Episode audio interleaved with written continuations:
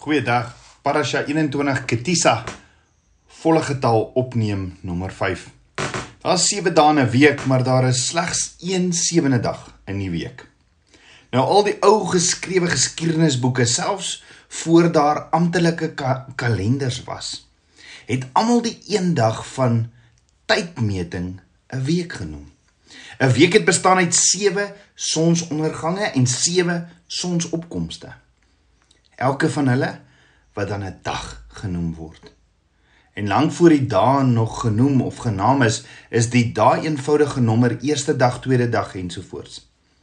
Die Hebreëse taal gaan tot vandag toe nog voort om die dae te nommer en gebruik dit vandag nog so. Hulle gebruik dit vandag nog so behalwe natuurlik die sewende dag wat genoem word Shabbat of soos ons dit ken in Afrikaans Sabbat. Maar hoor gou terwyl verskillende nasies se kalenders verskil het oor die duisende jare jare sedert hulle die eerste keer uitgevind het. Is daar geen meningsverskil oor hoeveel dae daar in 'n week is nie. En watter dag die eerste en die laaste dag van die week is nie. Let wel, daar is een nuwe uitsondering van die nommer vandaan. Dis 'n moderne standaard wat deur die internasionale organisasie vir standaardisering geïnisieer is. Dis 'n groep wat 'n paar dekades gelede gevorm is om internasionale besigheid en vervaardigingsstandaarde te ontwikkel. Nou hulle het besluit dat vir die hou van sake rekords dat maandag die eerste dag van die week moet wees. Die rede vir hulle verandering is interessant. Sedert die Joodse Saterdag hul Sabbatdag is en die Christelike Sondag hulle Heredag is, het die twee dae saam 'n naweek gevorm en omdat dit nie werksdae was nie, het die ISO besluit dat dit logies was vir besigheidsdoeleindes om die eerste werksdag van die week, Maandag, hulle nuwe standaard vir die eerste dag van die besigheidsweek te maak. Daar is dan geen ander verskille as dit kom by die nommer van die dae van die week nie. Daarom die dag wat ons noem Sondag is al vir duisende jare en bly nog steeds vandag die eerste dag van die week. Sondag is nog altyd die eerste dag van die week genoem en die sewende dag is Saterdag genoem. So dink daaroor. Op watter dag het Yeshua opgestaan uit die dode? Die eerste dag van die week, 'n Sondag, nê? Nee. Nou Abba Vader sê in 6 dae was alles geskape en die sewende dag het hy gerus. So kan ek vra, Watter dag het Abba Vader gesê moet ons rus? Die sewende dag. Watter dag is die sewende dag? Saterdag. Want Sondag is die eerste dag. Nou dink daaroor, hoekom hou mense dan reg oor die wêreld hulle Sabbatdag op 'n Sondag? Hoe die vyand hierdie waarheid van Abba Vader kom toegooi of verskans dat ons nie met ons Pappa God kan ontmoet, want dit is sy ontmoeting, nê? En sy dag heilig, gehoorsaam en eer nie. Ja, maar het die Sabbatdag nie verander van Saterdag na Sondag toe nie? Ja, dit het verander na Sondag toe, maar Abba Vader het dit nie verander nie. Dis verander deur die wêreld. Hier is wat gebeur het. Dis 'n wet wat deur Konstantin en die Katolieke Kerk in die 4de eeu na Christus gemaak het. Konstantin en die Katolieke Kerk het 'n dag gaan skep vir die Christelike gemeenskap wat genoem sou word die Here se dag. En die vraag is net vir wat se Here het hulle hierdie dag voorgeskep as Abba Vader Jahwe Elohim, die enigste lewende God, klaar sy eie dag vir sy kinders geskep het om te rus. Die sewende dag wat 'n Sabbatdag is of wat 'n Saterdag is. Jy sien in die Romeinse ryk was daar 'n man met die naam van Konstantin En hy het op 7 Maart in die jaar 320 na Christus gesê hy gaan hierdie heidense rusdag wat op 'n Sondag was want hulle die songod aanbid en dit wat deur die Christene die kinders van God onderhou is 'n Saterdag gaan hy een maak en hy maak dit die Sondag en noem dit saam met die paus van die Katolieke Kerk die Here se dag. Dis genoem die Here dag deur die paus ter ere van Yeshua se opstanding op die eerste dag van die week. Maar hoor gou-gou, die paus sê Abba Vader het vir hom gesê hy kan die Sabbatdag verander. En Abba Vader verander nie. Hoekom sal hy vir die paus sê as hy 'n God is wat nie verander nie? Gaan lees Maleagi 3.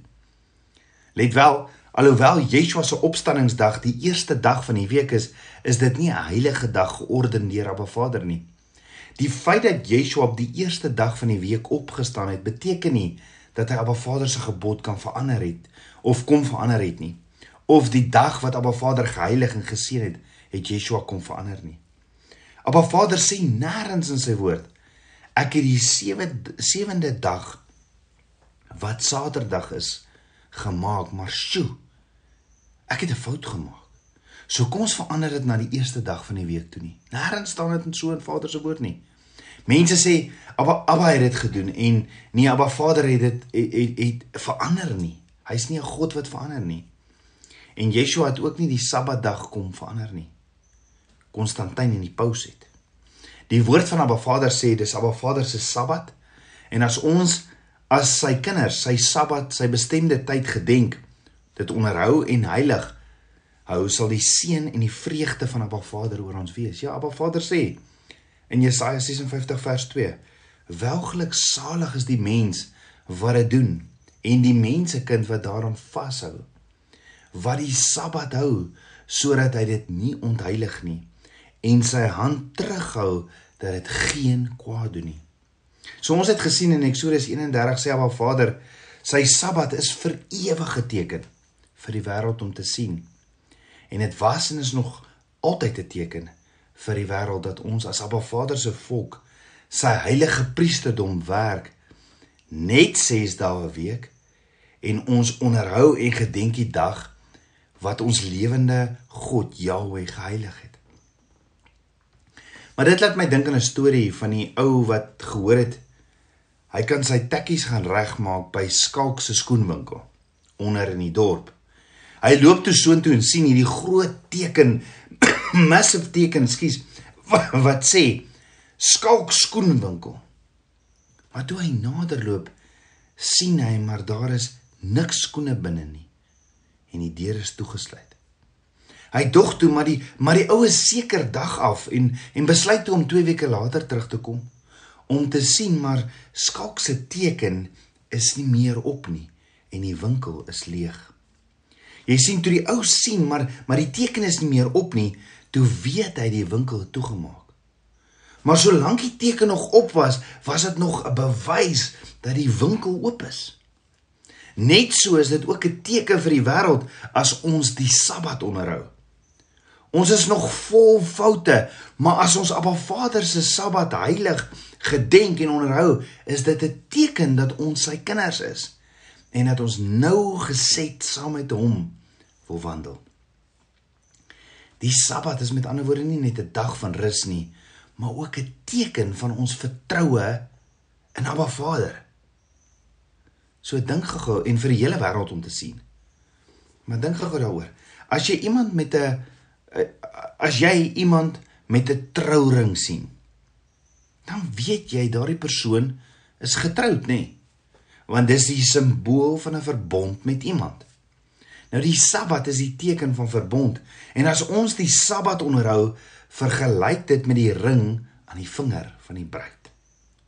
Ja, maar Vader het alles gegee en hy het vir ons sy wels, sy gelofte gegee as ons bruidegom Maar die vyand het alles kom doen om 'n Vader se genade te gebruik om ons as sy bruid se deel van die welgelofte weg te vat.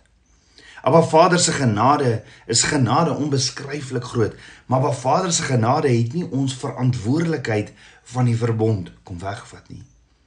Nee, ons moet ons verbond met Abba Vader eer en dit verg 'n aksie. Inteendeel, geloof in Hebreëus is die woordjie emuna wat beteken 'n ferm aksie na Ba Vader se wil. Jy sien by meeste troue begin die huweliksbelofte met ek neem jou aan as my wettige eggenoot of vrou. Net so waar Ba Vader ons ook wettiglik in verbond met hom hê. Die trouring aan die vinger van die bruid simboliseer dat sy beloof om getrou en in verbond te bly. Through better and worse through sickness and health, and the richer times or poorer ones, until she is separated from a husband by death. Oor en oor in die woord staan daar soos in Johannes 14 vers 15 as jy my liefhet bewaar my gebooie. Nou getroude paartjies sit sekere datums op 'n kalender. Datums wat vir hulle van belang is. Soos hulle herdenking. Hulle verjaarsdae en selfs date nights. Net so dat my Vader ook vir ons so 'n kalender met datums gegee. Dan ook by 'n troue of 'n huwelikseremonie sê die pastoor gewoonlik ook wat so God saamgevoeg het mag die mens nie breek nie. Dit is nie sy eie woorde nie, dit is opgeskryf 4 keer in 'n Vader se woord. Dis nie die pastoor se eie woorde nie. Hierdie wat God saamgevoeg het mag die mens nie breek nie. Dis opgeskryf 4 keer in 'n Vader se woord. En dan sê die woord ook dat die paartjie nie meer twee is nie, maar nou een in die vlees is.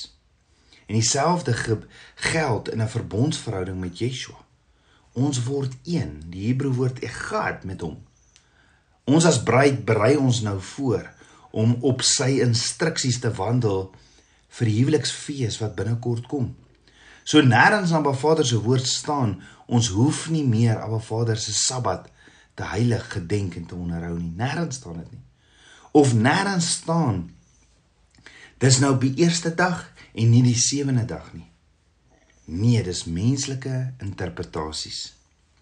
Ja man, Romeine 14 en Galasiërs 4 sê Paulus, moet julle nie bekommer oor wat se dag nie. Dit staan daar. Dis net jammer, dit praat glad nie. Paulus praat glad nie van die Sabbat nie, maar van vas. Jy sien ons kan nie besluit wanneer ons die Sabbat wil hou nie, want dis nie ons se nie. Dis Abba Vader se divine goddelike afspraak met ons. So het Paulus die Sabbat gehoorsaam en gedenk? Ja, verseker, want Paulus sê in Handelinge 4 vers 9 tot 10, daar bly dus 'n Sabbat rus oor vir die volk van God, want wie in sy rus ingegaan het, rus ook self van sy werke soos God van syne. Ja, maar het die Sabbat nie opgehou toe Yeshua opgevaar het na Ba Vader toe nie? Nee, Jesaja 66 sê selfs wanneer Yeshua weer kom om te kom regeer en hy kom as koning van die Here van die heersers, sal die Sabbat onderhou word. Want dit wat Abba Vader geheilig het, sal tot in ewigheid geheilig bly. En dis die God wat ons dien. So het Yeshua die Sabbatdag onderhou en gedenk Want dink daaroor, as Yeshua sê volg my en hy die Sabbatdag onderhou en gedink, dan moet ek en jy as disippels van Yeshua mos ook dan nie? Inteendeel, as Abba Vader op die Sabbatdag gerus het, 'n God wat nooit slaap of slymer nie, en Yeshua het ook die Sabbatdag onderhou en gedenk, moet ons dan nie ook nie? Hoekom sal ons nie Yeshua se voorbeeld wil volg as hy uitdruklik sê volg my nie? En die vraag is, sal ons hom waarlik volg en doen wat hy sê en doen wat hy doen? In Johannes 1:1 staan in die begin was die woord en die woord was by God en die woord was God. En dan gaan Johannes verder en sê Johannes 1:14 en die woord het vlees geword en het onder ons gewoon. Met ander woorde, Yeshua was nie net by God nie, maar was self ook God. Aba Vader, Seun, Yeshua en Heilige Gees, Ruach HaKodes, bestaan al drie van alle ewigheid af. Want hoor gou mooi, Abba Vader het die wêreld deur Yeshua, die seun gemaak. Ja Hebreërs 1 vers 1 tot 2 sê, nadat God baie keer en op baie maniere in die ou tyd gespreek het tot die vaders deur die profete, het hy in hierdie laaste dae tot ons gespreek deur die seun wat hy as erfgenaam van alles aangestel het deur wie hy ook die wêreld gemaak het. Ek herhaal, Abba Vader het in die laaste dae tot ons gespreek deur die seun Yeshua wat hy as erfgenaam van alles aangestel het deur wie hy ook die wêreld gemaak het. So die sleutel is die woord is Yeshua wat vlees geword het en wat onder ons kom woon het en Yeshua was by Abba Vader voor die skepping en wat die wêreld gemaak het. Is dit nie ook hoekom Yeshua sê Matteus 2 vers 27 tot 28 die Sabbat is gemaak vir die mens, nie die mens vir die Sabbat nie. Daarom is die seun van die mens Here ook van die Sabbat. En as Yeshua wat nie verander nie, Die Here is van die Sabbat.